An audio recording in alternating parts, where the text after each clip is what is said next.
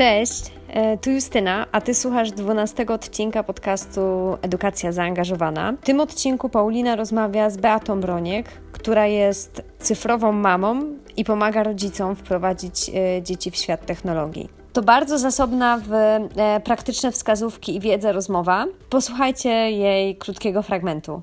No i to jest bardzo, bardzo częste odczucie w sieci, jak obserwuję mamy, reakcje na telefon, to jest właśnie to walczenie o to, żeby, żeby dziecko nie miało kontaktu, ale gdzieś trzeba wyważyć, bo telefon, smartfon, bajka to jest zasób jak każdy inny, tylko musimy z niego mądrze korzystać. I właśnie o tym dobrym i mądrym korzystaniu jest ten odcinek. Dowiecie się z niego o roli cyfrowego rodzica, o tym, czym różni się cyfrowe dziecko od dziecka cyber dlaczego kontrola rodzicielska jest ważna już od samego początku, a nie w momencie, gdy dziecko jest już mocno zaawansowane technologicznie, jak planować ten kontakt z technologią, jakie zasady będą dobre, jak wykształcić pozytywne nawyki, czy technologia daje w ogóle korzyści? I w końcu, co ma wspólnego przechodzenie przez ulicę z używaniem technologii. Na te i inne pytania odpowiada dzisiaj nasza gościni i zapraszam Was do wysłuchania tego odcinka.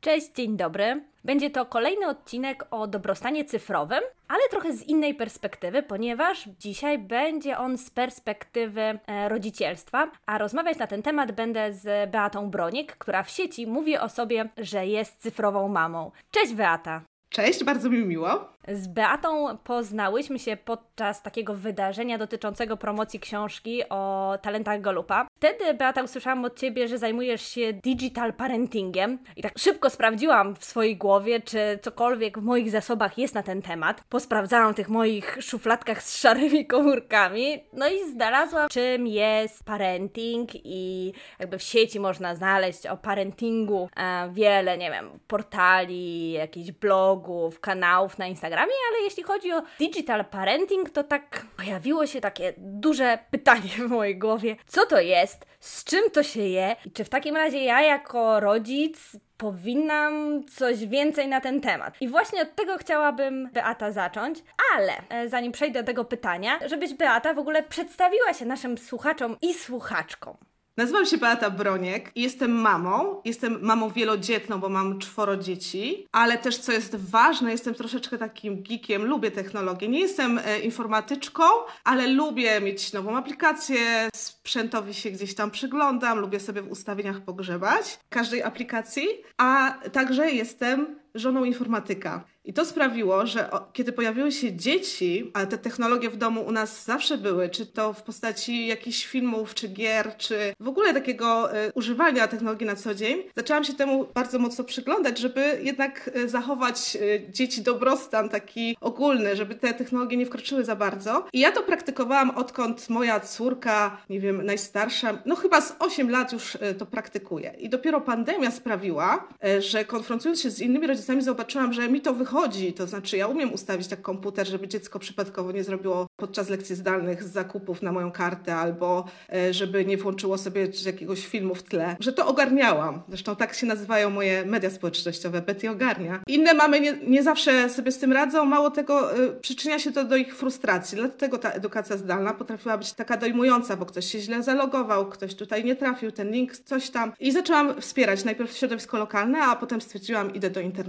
I w okresie edukacji zdalnej. E, byłam bardzo aktywna wśród nauczycielskich for i, i rodzicielskich, żeby tak dać tam e, takie techniczne wsparcie ze strony rodzica, bo była, były dzieci, była szkoła, a czasem ten rodzic musi to jakoś zorganizować. Zaczęłam po prostu aktywniej uczestniczyć czy na Facebooku, czy zaczęłam e, pisać notki na blogu. Do tej pory moja notka o instrukcji Classroom, czyli tego programu od Google'a do edukacji zdalnej dla rodziców, ma najwięcej wyświetleń. I tak zostało. Potem w trakcie eksplorowania też zagranicznych for zauważyłam, że to jest taki, taki dział właśnie, który się nazywa digital parentingiem, czyli po polsku ja to nazywam rodzicielstwem cyfrowym. To też można się spotkać, że jest to wychowanie cyfrowe, wychowanie medialne, ale to jest ta część rodzicielstwa, która się styka z technologią. A że, że ja mam to już troszeczkę przepracowane, to staram się przekazywać tą wiedzę dalej mamom, zwłaszcza mamom, które po prostu mają na co dzień te różne negocjacje o ilość bajek, o to, czy ktoś chce mieć telefon, a jeśli tak, to kiedy i tym podobne, więc dzielę się tą w mhm. sieci.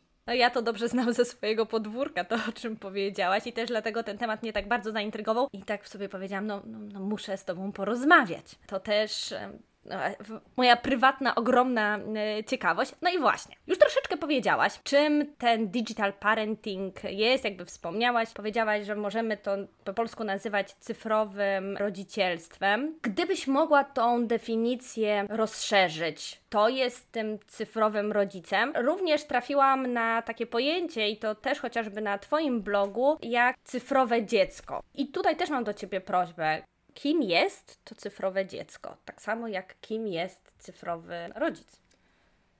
Cyfrowe dziecko, moim zdaniem, to będzie każde nasze obecnie dziecko, nawet jeśli nam się wydaje, że dziecko nie jest narażone na technologię na co dzień, bo na przykład mniej ich używamy, nie używamy e, mediów społecznościowych, nie robimy zbyt dużo zdjęć, to mimo to to dziecko przez technologię jest otoczone. Przez środowisko zewnętrzne, to już się dosyć wcześnie zaczyna, to już są zdjęcia w żłobku, to już są jakieś występy w przedszkolu, kiedy dziecko zamiast na występach teraz grudniowych widzieć uśmiechniętą twarz mamy, zapewne widzi jej smartfon. Mhm. E, także e, Myślę, że też dużą moją y, taką rolą jest to, żeby uświadamiać, że to wyzwanie dotyka rodziców wcześniej niż oni są na to nastawieni, czy przygotowani, czy w ogóle zaczynają o tym myśleć. Więc dla mnie to jest takie cyfrowe dziecko. Czasem się używa też słów y, cyberdziecko, kiedy to jest takie dziecko, które już tak mocno jest przystosowane do tych technologii, tak ma je na co dzień, że odczuwa dyskomfort, kiedy są one mu odebrane. To są te wszystkie awantury o za wyrywany smartfon czy y, zakończenie bajeczki. Myślę, że, że to jest jeszcze kwestia uregulowania pewnej terminologii, bo ona się pojawia sporadycznie w publikacjach naukowych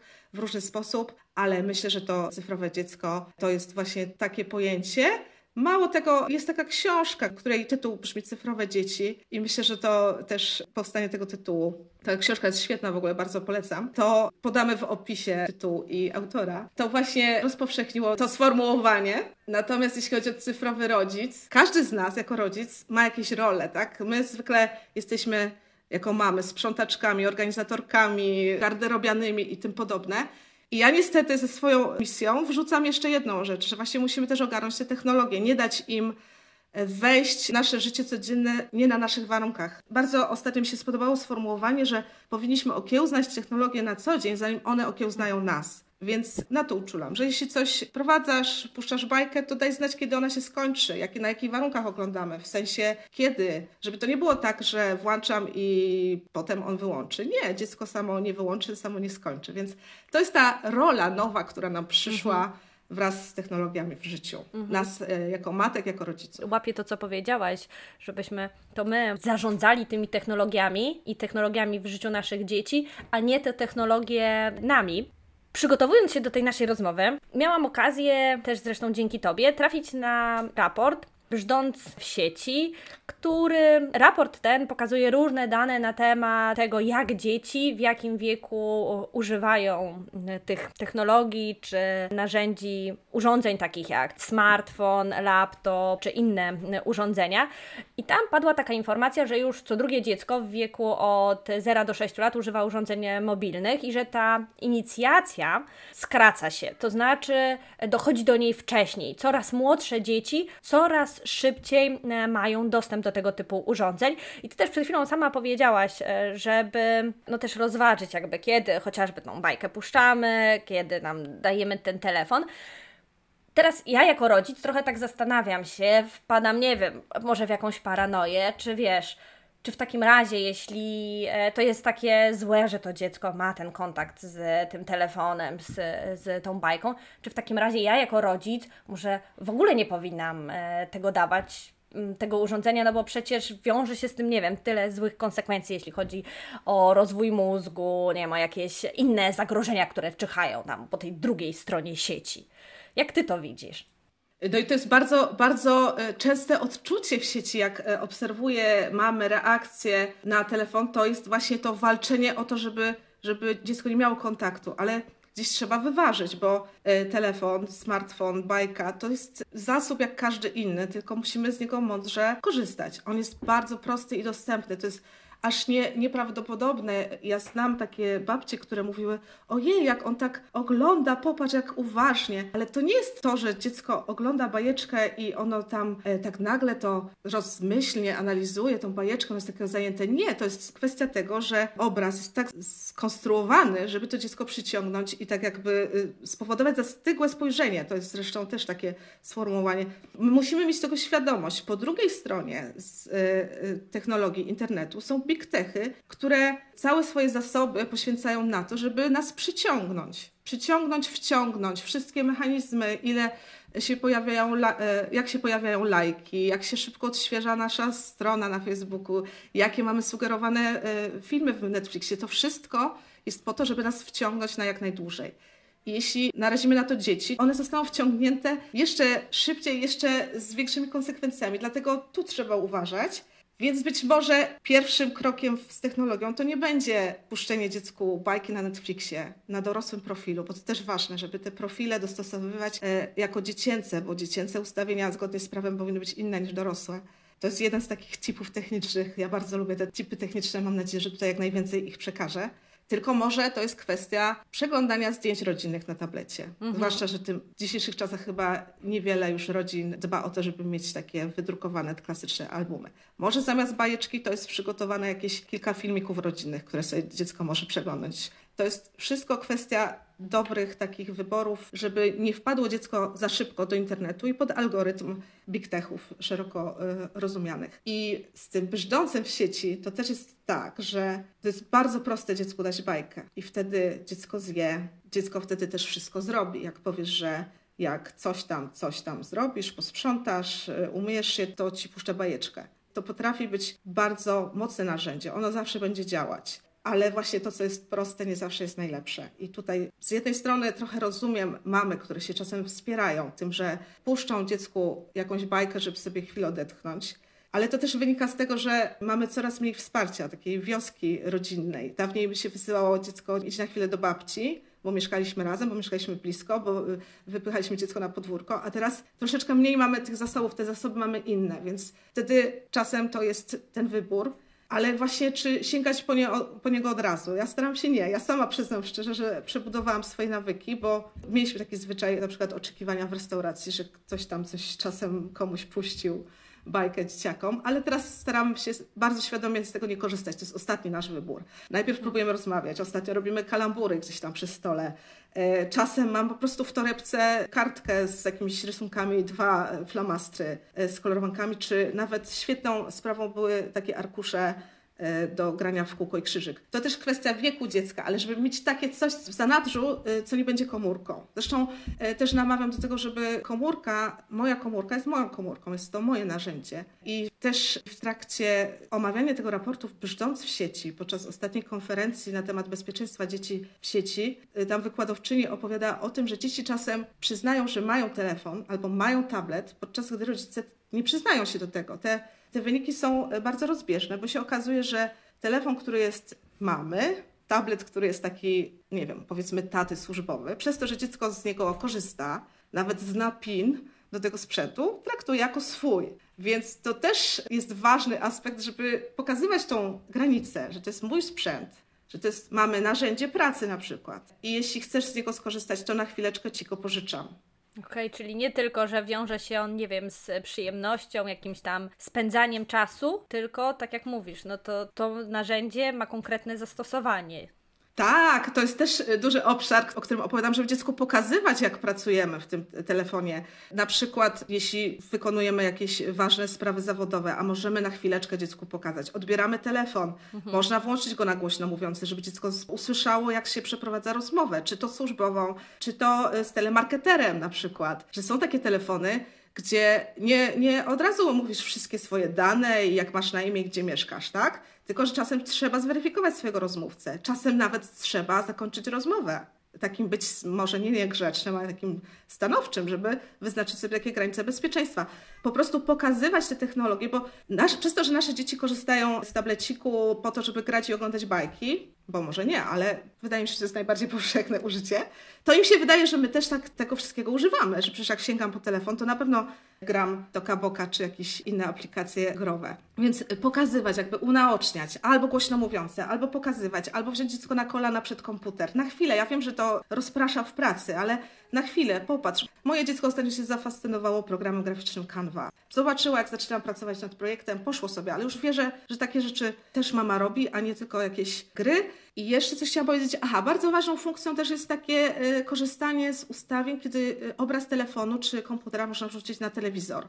Jeśli też chcecie coś pokazać, nie wiem, wybieranie prezentów, y, wybieranie jakichś, nie wiem, projektów, no cokolwiek życiowego, takiego rodzinno-poważnego, to też wrzućcie to na telewizor, zróbcie to nawet, nawet sami, ale niech to dziecko już widzi, co tam się dzieje na tym ekranie, żeby miało świadomość, że to nie tylko gry i zabawa. Jasne. A co jeśli już tą bajkę musimy włączyć i to dziecko jakby ma jakoś samodzielnie ten czas przed tym urządzeniem spędzić? Jak to ogarnąć? I to jest y, właśnie taki moment, że to trzeba pomyśleć o tym przed. Ja zawsze polecam, żeby to, gdzie puszczasz bajkę, czy to będzie YouTube, czy jakiś serwis streamingowy VOD, żeby go najpierw przystosować technicznie. Znaczy w tych wszystkich Netflixach, Disney Plusach warto założyć dziecku profil dziecięcy i ja jestem tego podejścia, że warto te wszystkie kontrole rodzicielskie i narzędzia rodzicielskie w technologiach od razu odpalić, nawet jak dziecko jest najmniejsze, najmłodsze, żeby potem z nich schodzić bo zwykle rodzice sięgają, jak tak czytam w internecie, co się dzieje, zwykle na te limity czasowe i po wszystko sięgają, jak dziecko już ma kilkanaście lat i zaczyna być problem z zarządzaniem czasem przed telewizorem czy przed internetem. A ja wierzę w to, że jeśli zaczniemy wcześniej i będziemy to dziecko wypuszczać z tych ustawień, to możemy w ten sposób wyrobić mu zdrowe nawyki i że tworzymy mu takie bezpieczne środowisko, bo wtedy możemy mieć wpływ na filtrowanie treści dostosowanych do wieku dziecka, czyli PEGI tak zwane, to są E, takie systemy kwalifikacji treści. E, możemy dostosować też limity. Bardzo ważnym ustawieniem jest na przykład wyłączenie autoodtwarzania. Nie wiem, czy wiecie, że nawet na Netflixie to ustawienie można wyłączyć, tak żeby kolejna bajka nie włączała się sama, tylko żebyśmy podjęli razem decyzję, tak? Na przykład pilota odkładamy daleko, dziecku się skończyła bajka i ono przybiega do mamy i wtedy jest ta decyzja, tak, czy kończymy, bo przecież umawialiśmy się na dwa odcinki, czy włączamy kolejną, ale wtedy już intencjonalnie. To jest decyzja, w której uczestniczymy, na przykład możemy wtedy rozważyć, ale przecież teraz mamy już gotowy obiad, kolację.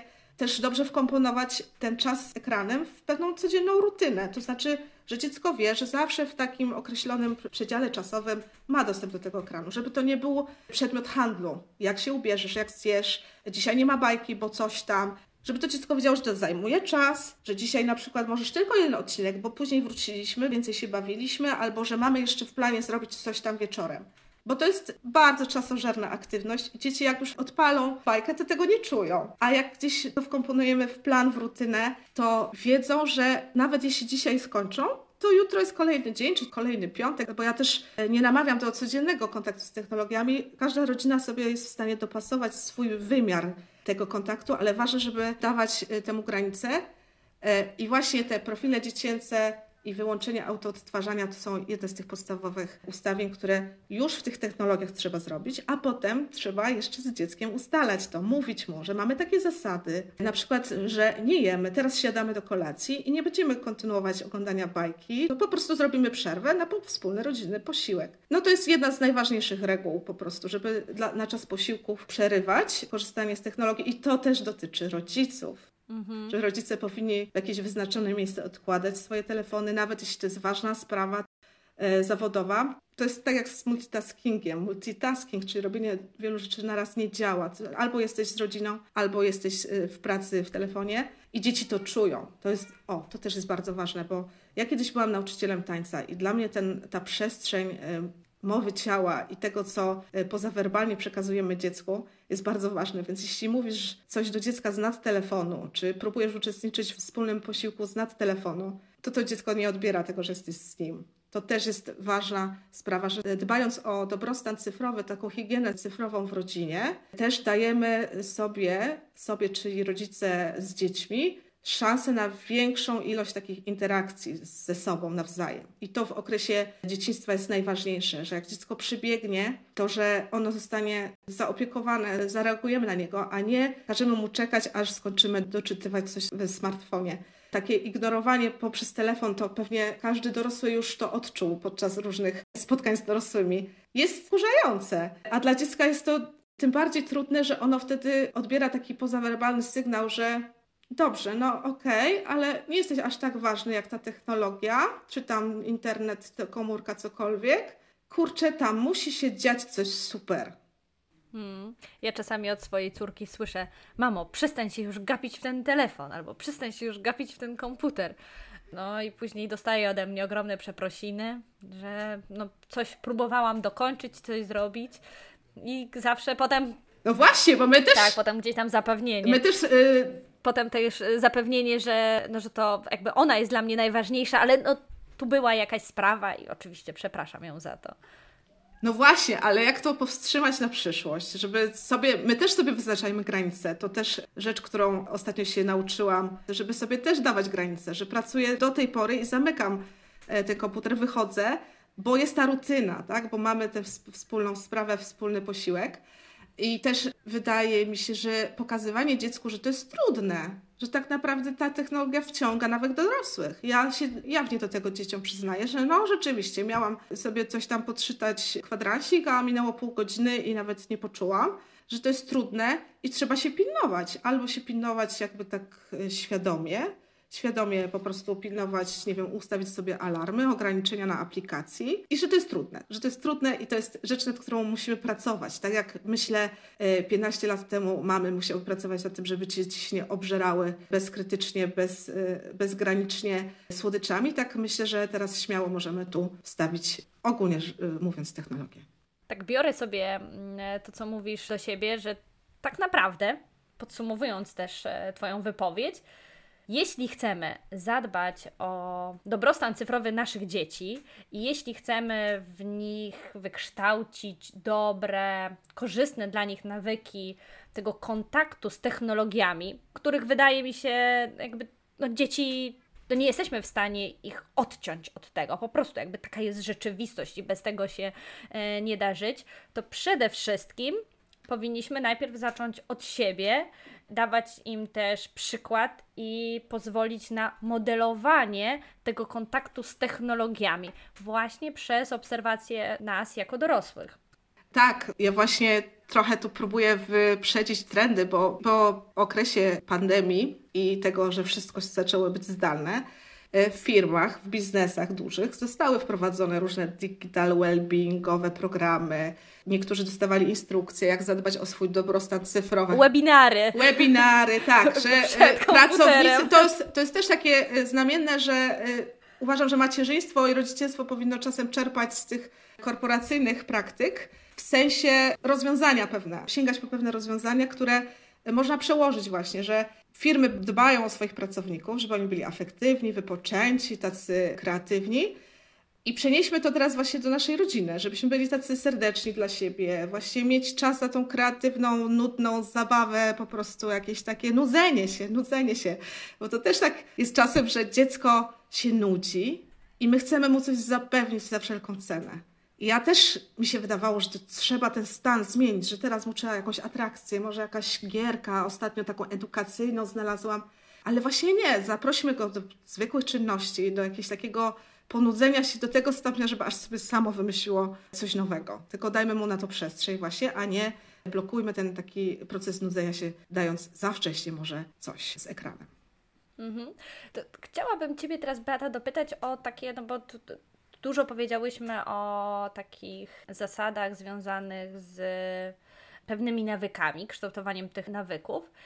Chciałabym się teraz trochę przyjrzeć tym jasnym i ciemnym stronom technologii cyfrowych, no bo jednak to jest w naszym życiu i też chociażby ogromne nakłady finansowe idą na rozwój takich kompetencji technicznych. Słyszymy też, że mm, na rynku pracy no, brakuje chociażby programistów, ciągle jest ich e, za mało. To co jest po tej stronie drugiej? Jakie korzyści e, mogą płynąć, ale też, prawda, jakie negatywne skutki mogą być w obcowaniu naszych dzieci z tymi technologiami?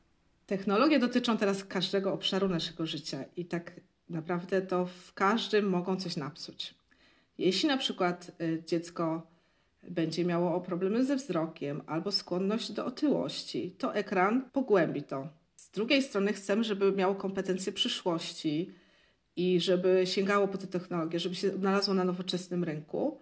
I warto sięgać po te bardziej wartościowe y, czy aplikacje, czy rozwiązania technologiczne dla dzieci. Na przykład można je uczyć programowania w Scratchu.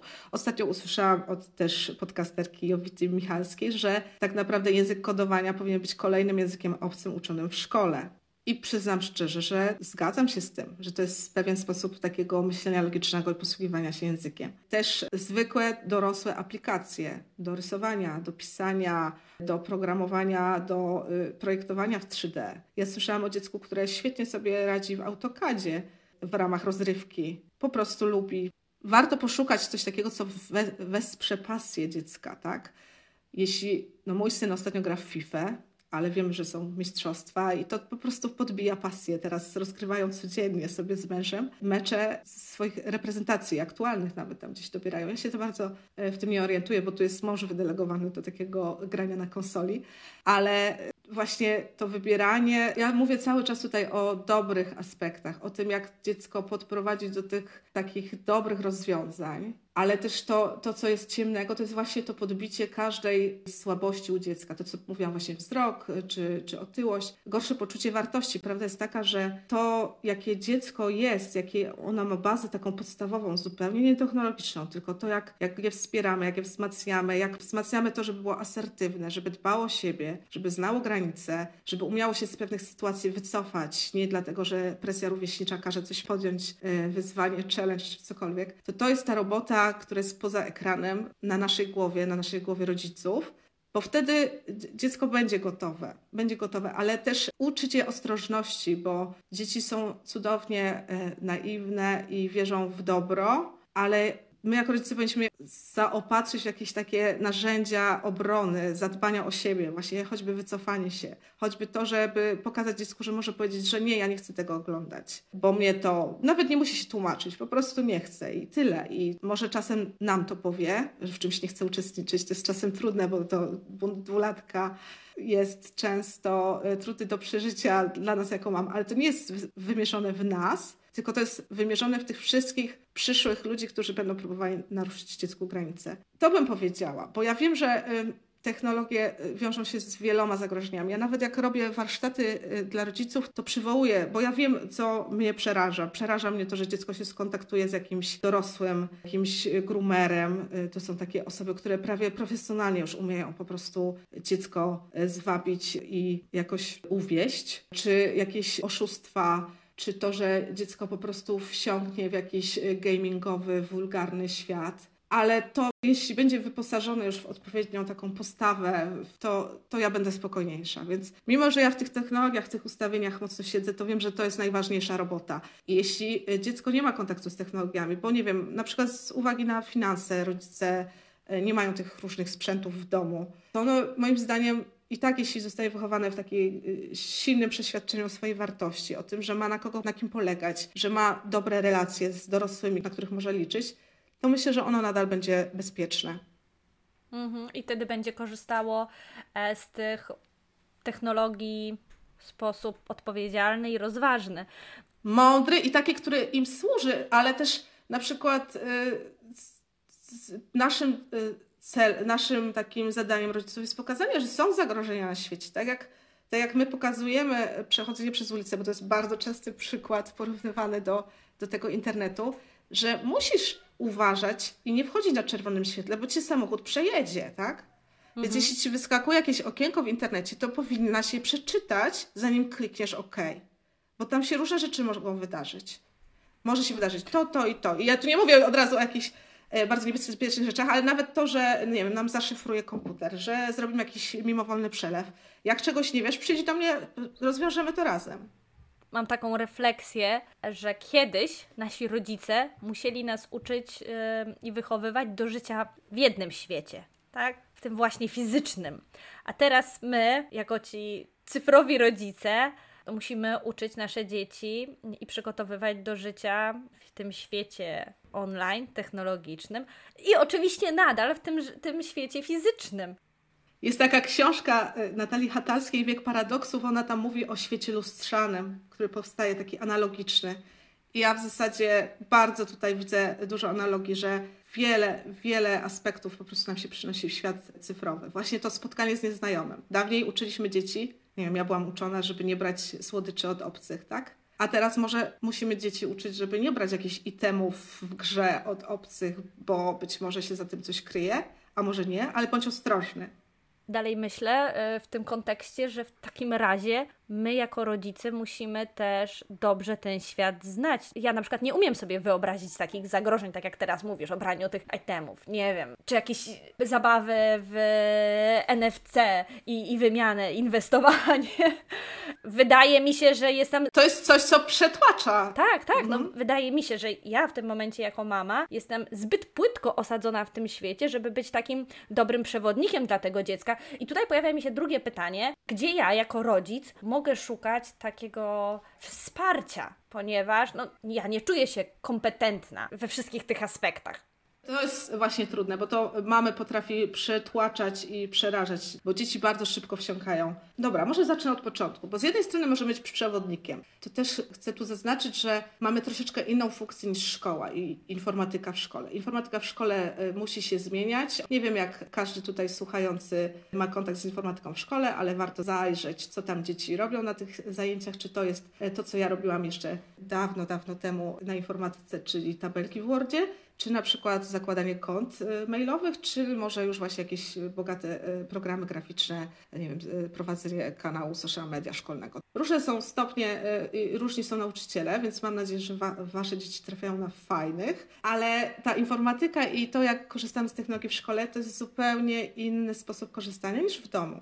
I w domu korzystamy, prawda, z serwisów streamingowych, z właśnie zakupów online, nie wiem, do pracy, czasem jakieś robimy wirtualne konferencje rodzinne, komunikujemy się. Więc tutaj bądźmy przewodnikami. Bądźmy przewodnikami, pokazujmy, jak w życiu nam to pomaga, jak korzystać, jak uważać na te wszystkie cyberoszustwa, czy to telefoniczne, telemarketingowe, różne takie.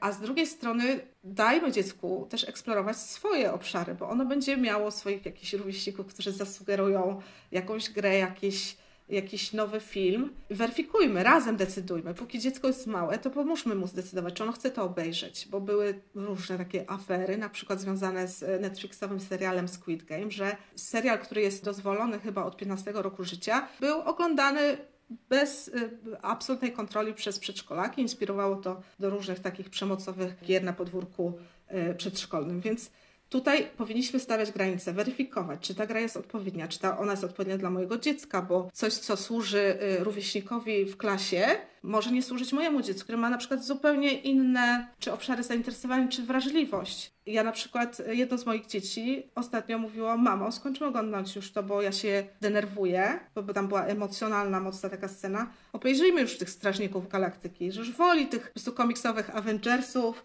którzy, tam wiadomo, że to jest bajkowy świat, jest trochę przemocowy, ale on jest mniej realny niż ten emocjonal, który zobaczyła wcześniej. Ale byłam z niej dumna, bo wyznaczyła sobie granice. Powiedziała właśnie, co jej nie pasuje, a co pasuje. I to mi pokazuje, jak różne dzieci mogą mieć różne, różne potrzeby, różne fascynacje i tutaj pomóżmy im wybierać, póki są małe. Ale jak już zaczynamy, decydujemy się na jakąś grę, czy właśnie, że, że dziecko wchodzi już w jakiś obszar, na początku bądźmy z nim, albo ustawmy te ustawienia rodzicielskie. Na przykład w Robloxie, chyba akurat tej, tej gry nie znam, ale ostatnio się uczyłam o tym, że tam też można pewne ustawienia rodzicielskie zrobić, żeby, żeby wyeliminować ryzyko na przykład spotkania z, z jakimiś zagrażającymi obcymi y, ludźmi w sieci. Jeśli dziecko wpuszczamy, to może na początek tylko, żeby grało samo, albo potem, żeby grało y, nie w sieci, ale lepiej niech kolegę zaprosić do siebie do domu, żeby sobie siedzieli razem na kanapie i grali.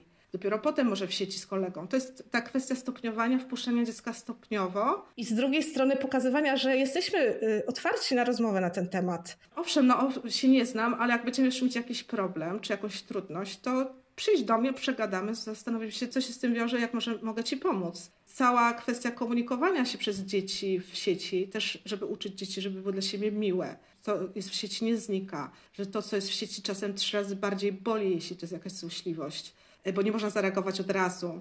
Tak naprawdę to wszystko kiedyś się działo na podwórkach, to kuczaliśmy sobie, dostawaliśmy po prostu patykiem w głowę, tylko że mogliśmy wtedy, albo ktoś to widział, albo mogliśmy oddać, albo zareagować. A teraz sieć powoduje, że to jesteśmy gdzieś tam za szybą. Trochę to czujemy, Znaczy czujemy się, to dotyczy nas, ale po prostu to tak się rozmywa. I znowu się rozgadałam, że dziecku powinniśmy w tym towarzyszyć, tak? Że z jednej strony ta kontrola ustawieniami na samym początku, bo ona nie będzie działać na końcu. Jak już dziecko wymiata i my mu przyjdziemy, że teraz to będziemy tutaj weryfikować każdy twój kontakt z obcym, to, to, to jest wtedy za późno. To wtedy już musimy być y, w kontakcie offline, dając tą przestrzeń do rozmowy. Ale też coś nauczyłam niedawno, mhm. że warto pytać o te rzeczy, które się dzieją online że już przestańmy dopytywać dziecko, co zjadłeś, jaki był obiad w szkole, gdzie byliście na podwórku, tylko może co fajnego wrzucili w sieci, albo co dzisiaj obejrzałeś, a czemu to oglądasz, co ci tak mhm. fascynuje. Bo ja oglądałam coś takiego i też ja pokazuję głupotki czasem, jak coś zobaczę jakąś śmieszną rolkę, która mnie bawi, mimo że jest na moim dorosłym Instagramie, to ja to pokazuję dziecku, żeby pokazać z jednej strony, co mnie fascynuje, że pokazać coś takiego jest, że no tak, tak, po prostu dać sobie obszar do rozmów cyfrowych. Aha. Także w ten sposób, nie na zasadzie, a to takie głupoty wasze. Czyli też nie taki owo zakazany owoc, bo będzie bardziej kusił i, i będzie ten dystans. Też tak jak mówisz, umniejszając temu, co tam to y, dziecko robi, a z ciekawością i uważnością. Tak właśnie, bo dawniej po prostu bawiliśmy się bezmyślnie na podwórkach. Nie wiem, w co się bawiłaś ty. W kapsle, w klasy, w gumy się skakało. Za moich czasów na trzepaku wisiało.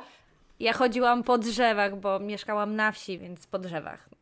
Dokładnie, ja u babci też robiłam e, ciasto z błota i tak dalej. I teraz wyobraźmy sobie taką moją mamę, która przychodzi i mówi: Zajęłabyś się czymś pożytecznym. No nie wyobrażasz sobie chyba. Albo to bywa się, że ktoś mówi: Przestań skakać po tych drzewach, bo to jest takie bez sensu. Więc to znowu mamy odpowiednik, tak? Odpowiednik cyfrowy. Jasne. To, słuchaj, gdybyś mogła podać e, takiemu przeciętnemu rodzicowi jak ja, który nie jest jakoś nad wyraz e, technologiczny, tylko tak zwyczajnie. Takie tak miejsca ja. w sieci, takie miejsca w sieci, gdzie ja na przykład mogę swoją wiedzę poszerzyć. Chcę dowiedzieć się czegoś więcej, jak to dziecko lepiej wspierać, poszerzyć swoje horyzonty, żeby wiedzieć, co tam też ewentualnie może go spotkać, na co powinnam uważać, albo jakie dobre praktyki podglądać, takiego cyfrowego rodzicielstwa. Coraz więcej powstaje takich materiałów. Mam nadzieję, że będą bardzo powszechne i będą sobie przekazywane w różnych e, forach matycznych, grupach na Facebooku. Ale co podstawowe zawsze podaję, to strona fundacji Dajemy Dzieciom Siłę i domowe zasady ekranowe. To są takie zasady, na jakich używamy ekranów w domu. I żeby tak szybciutko wymienić, to jest właśnie ekran jest odkładany w stałe miejsce, na przykład w stałe miejsce, gdzie się ładuje. Również na noc. Sypialniach dzieci nie powinny mieć telefonów, bo to zaburza ich e, higienę snu. Zresztą nas dorosłych też zamieniamy po prostu telefony na zwykłe budziki. Może być taki budzik za 9,90, on nas obudzi. Mało tego, będzie o tyle skuteczniejszy, że nie będzie miał drzemki. Odkładamy również telefony na czas posiłku. Posiłek to czas bliskości i relacji. I tym podobne e, zasady również ja bym dodała właśnie, że rano staramy się też, żeby ten telefon nie był pierwszą rzeczą, po jaką sięgamy, bo to jest tak, jakbyśmy się zastanawiali, co jest ważne w świecie, u znajomych, czy w filmach, czy w grze, zamiast się zastanowić, jak ja się dzisiaj czuję, kiedy wstałem. Takiej więcej uważności na siebie. W łazience, podczas nawet e, siedzenia na toalecie, powinniśmy też załatwić, co mamy i wyjść, wstać, zamiast przesiadywać, bo myślę, że wiele mam też dłużej siedzi na toalecie. Przepraszam, że tak może higienicznie tutaj wspominam, ale to jest też ważne dla naszego i dobrostanu cyfrowego, i dla naszych mięśni na miednicy jako matek, żeby nie przedłużać tego pobytu w łazience. Mało tego, to jest po prostu gdzieś tam w trakcie kąpieli y, oglądanie bajki, bo też są takie przypadki. To jest po prostu niebezpieczne dla sprzętu. Zresztą mnie na przykład oburzają wszelkie y, programy y, y remontowo od, odmieniające mieszkanie, które pokazują, Aha. że ktoś sobie zainstalował y, telewizor w łazience albo y, nastolatkowi urządza pokój, zapewniając mu po prostu kabel ładowarki przy, przy poduszce w łóżku. To jest coś, co chciałabym, żeby się zmieniło w myśleniu. To jest tak, jakbyśmy, nie wiem, wstawiali sobie barek y, po prostu tuż koło y, y, ekspresu do kawy. Dlatego to kształtowanie też przestrzeni w mieszkaniu to też, to też jest coś, co może wpływać na naszą higienę cyfrową, gdzie odkładamy sprzęty, gdzie leżą piloty, czy telewizor jest głównym miejscem w mieszkaniu, czy może jednak stół do posiłku. Mhm. Także tak, domowe zasady ekranowe, żeby zmierzać ku pytaniu. Fundacji dajemy dzieciom siłę. A drugie świetne miejsce to Fundacja Dbam o mój zasięg, która przeprowadza różne raporty, ankiety i szkolenia, y, między innymi na przykład dla szkół odpowiedzialnych cyfrowo, która ma świetne zasoby, materiały y, do pobrania infografiki, gdzie można poszerzyć swoją wiedzę. Na przykład bardzo częstym pytaniem jest, kiedy pierwszy telefon? I tam odnajdziecie w infografiki, gdzie sobie porównacie, e, kto kiedy sięga po ten telefon i jakie są wskazania na przykład dobrej higieny cyfrowej mhm. dla dzieci, także dla gamerów, bo znajdziecie tam również zasady korzystania z gier cyfrowych w taki odpowiedzialny sposób, jakie są ich negatywne i pozytywne mhm. skutki. No i oczywiście zapraszam do siebie. Ja jestem głównie aktywna na Instagramie i lubię rozwiązywać takie problemy realne, realnych mam, więc zapraszam. To ja jeszcze takie ostatnie pytanie na koniec. Kilka razy nam się przewinęło słowo szkoła, informatyka. Wcześniej mówiłaś właśnie o tym, że ta informatyka powinna w szkołach ewoluować w kontekście tego, jak my byliśmy uczeni, a jak teraz są nasze dzieci. E, teraz też powiedziałaś o projekcie, jeśli dobrze rozumiem, szkoły odpowiedzialne cyfrowo. Jaką ty widzisz rolę szkoły w edukacji cyfrowej naszych dzieci? Tych naszych cyfrowych dzieci? Moja najstarsza córka jest obecnie w szóstej klasie i tak troszkę zależy właśnie, znaczy jesteśmy w jednej szkole, więc mam tylko jedną taką próbkę. I z jednej strony słyszę, że tam, gdzie jest na przykład wprowadzony zakaz korzystania z telefonów komórkowych w szkołach, z dziećmi się lepiej współpracuje, one są bardziej skupione, mają większą łatwość wypowiadania się, kontaktowania się z ludźmi czy podczas warsztatów jakiejś e, takiej warsztatowej pracy. I to jest na pewno bardzo ważne, żeby ten telefon w szkole nie przeszkadzał. A z drugiej strony wiem, że technologie mają ogromny potencjał edukacyjny i chciałabym, mhm. żeby, żeby szkoły z nich korzystały, z tych dóbr, bo mieliśmy takie podejście podczas edukacji zdalnej, że o, teraz jesteśmy na tych Teamsach, na tych classroomach, ale jak się skończy, to wrócimy do starego. Ja uważam i są tacy nauczyciele w sieci, którzy uważają podobnie, że nie należy odrzucać tych narzędzi, mimo uczenia się stacjonarnie. Można nadal korzystać z narzędzi cyfrowych, nie wiem, deponowania tam e, materiałów, czy po prostu rozszerzenia e, zainteresowań. Korzysta, nadal będąc w kontakcie z dzieckiem przez platformę edukacyjną, jaka była używana w edukacji zdalnej, czy z form, formy kontaktowania się z nauczycielem. Zresztą e, do tego są właśnie dzienniki elektroniczne, mhm. tylko nie z taką rozbudowaną rzeszą informacji. Natomiast Y, powiedz. Czyli też takie wprowadzenie tej technologii jako stały element, jako taka nowa rzeczywistość, ale jednak rzeczywistość. Tak, i są szkoły, którym się to udaje. Znam takie nauczycielki, które po prostu każą dziecku przynosić tablet czy telefon, bo one będą narzędziem, to, które będzie potrzebne podczas realizacji zajęć w szkole. I takiego bym e, oczekiwała rozszerzenia tego, przy czym mam świadomość, że technologie bardzo dzieci rozpraszają i to trochę wynika z tego, że traktuje się jako y, owoc zakazany, a z drugiej strony, że dzieci nie mają tych dobrych nawyków wykształconych domów przez rodziców i na przykład też polecam, jeśli ktoś korzysta z telefonu w szkole, znaczy w sensie y, to jest często potrzeba rodziców, że rodzice napierają na to, że dzieci powinny mieć telefony, bo oni muszą się z nimi kontaktować. Inaczej nie wiem, czasy, co się dzieje że... z moim dzieckiem przecież. Tak, tak. A szkoły z kolei chcą mieć spokój, bo nie chcą mieć dzieci chowających się po krzakach, oglądających TikToki za świetnikiem albo siedzących w toalecie, bo ktoś tam sobie nagrywa jakieś challenge. Bo takie są problemy w szkołach i, i ja wiem, że właśnie to jest bardzo proste rozwiązanie zakazać i mamy to z głowy, tak? Że możemy się tylko kontaktować y, po prostu z rodzicami po lekcjach ale wiem, że gdzieś istnieje rozwiązanie pośrodku, mhm. że można pomóc dziecku wykształcić odpowiednie nawyki. To jest przecież też nawyk kultury, tak? Że skoro teraz y, się uczymy, to nie słuchamy czegoś tam, nie wiem, na przerwie. Jak ktoś chce z nami porozmawiać, to ja odkładam telefon. Y, na czas lekcji odkładam telefon.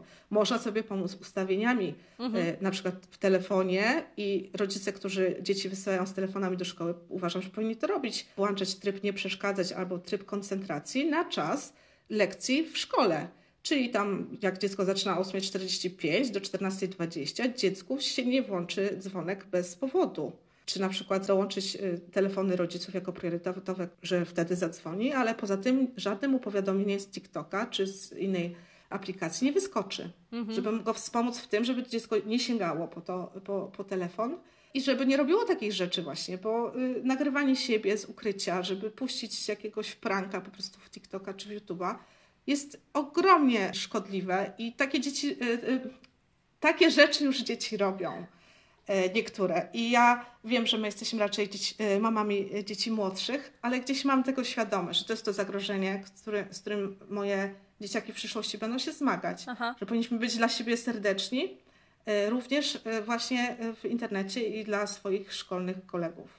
Mhm. To Beata, serdecznie dziękuję Ci za ogrom e, wiedzy, informacji. Wspomniałaś już, że można Ciebie znaleźć na Instagramie. To tylko gdybyś powiedziała, jak Ciebie tam szukać, żeby ci rodzice, te mamy, które czują się gdzieś zagubione w tym rodzicielstwie cyfrowym, jakby w tej, w tej nowej roli, tak? która tak naprawdę została nam dołożona w związku z tym, w jakich czasach żyjemy, żeby mogli Ciebie znaleźć. Ja właśnie tak mówię, że y, mamom się coraz co nowe rzeczy dorzuca. A to o żywieniu, a to o spaniu, a to o edukacji, a teraz dorzucam jeszcze to wychowanie cyfrowe. Tak, y, też jestem tym przetłoczona i tak naprawdę bardzo po prostu poszukuję koleżanek, które też to muszą jakoś tam przeżyć i przebrnąć. I dzielę się doświadczeniem głównie na swoim blogu bettypauzaogarnia.pl ale mam też takie projekty, które zaczęłam robić, czyli konsultacje cyfrowe dla mam. Można ze mną się spotkać po prostu i przegadać jakiś cyfrowy temat, żeby poznać y, moją opinię czy jakieś y, propozycje zaleceń, bo to zawsze warto szukać i, i pogadać z czymś. To też jest rzecz, której ja nie znalazłam w internecie, bo jak kiedyś słyszałam pytanie na Facebooku, jaką fajną grę Y, znaleźć na konsolę czterolatkowi, mhm. to nagle się hejt wylał, że żadnej. A nie, można znaleźć coś, tylko właśnie ciężko znaleźć i ja wiem, gdzie tego szukać, więc jeśli, jeśli macie takie pytania, to zapraszam na moim Instagramie też można się ze mną kontaktować. Y, ja tam nie zawsze jakoś dużo publikuję, ale zawsze reaguję w DM-kach. Betty Ogarnia, też pod cyfrowa mama mnie znajdziecie, bettyogarnia.pl i bardzo chętnie pomogę albo napiszę jakiś y, nowy tekst, który E, pomoże rozwiązać jakąś taką techniczną, organizacyjną, macierzyńską sprawę. To słuchajcie, nasi, nasze słuchaczki, słuchacze również, bo tutaj ja wierzę, że wielu mm, ojców, tatusiów jest też równie zaangażowanych w ten cyfrowy rozwój dzieci. Jeśli macie jakieś pytania, wątpliwości, czegoś nie umieliście, e, nie daliście rady znaleźć, jeśli chodzi o ten cyfrowy rozwój, to jak rozumiem, Beata, śmiało można do Ciebie uderzać, pisać i pomożesz tak, tak, bardzo chętnie. Ja właśnie też przygotowuję e, e, warsztaty dla rodziców właśnie, żeby te rozwiązania, które gdzieś tam już znalazłam, również na zagranicznych blogach, żeby dalej propagować. Tak. Super. Widzimy się w sieci. Dzięki wielkie Beata. I tak jak mówisz, cały czas jesteśmy w kontakcie. Widzimy się w sieci. No i do usłyszenia. Bardzo dziękuję za rozmowę. Mamy nadzieję, że ten odcinek e, wzmocni Twoją świadomość na temat cyfrowego rodzicielstwa i że będzie dla Ciebie przydatny. E, dla nas na pewno jest e, i czujemy, że, że ta świadomość nasza wzrosła. I niezależnie od tego, kiedy słuchasz tego odcinka, super będzie usłyszeć, co czujesz po jego wysłuchaniu. Daj nam znać na Facebooku, Instagramie, LinkedInie, TikToku albo przez naszą stronę internetową www.zaangażowaneedukacja.pl bez polskich znaków. I jeżeli czujecie, że ten odcinek y, może być inspiracją dla kogoś, kogo znacie y, lub waszej społeczności, poślijcie go dalej. Inspirujmy się wzajemnie do budowania bardziej zaangażowanej edukacji dla wszystkich y, na każdym etapie życia. Do usłyszenia.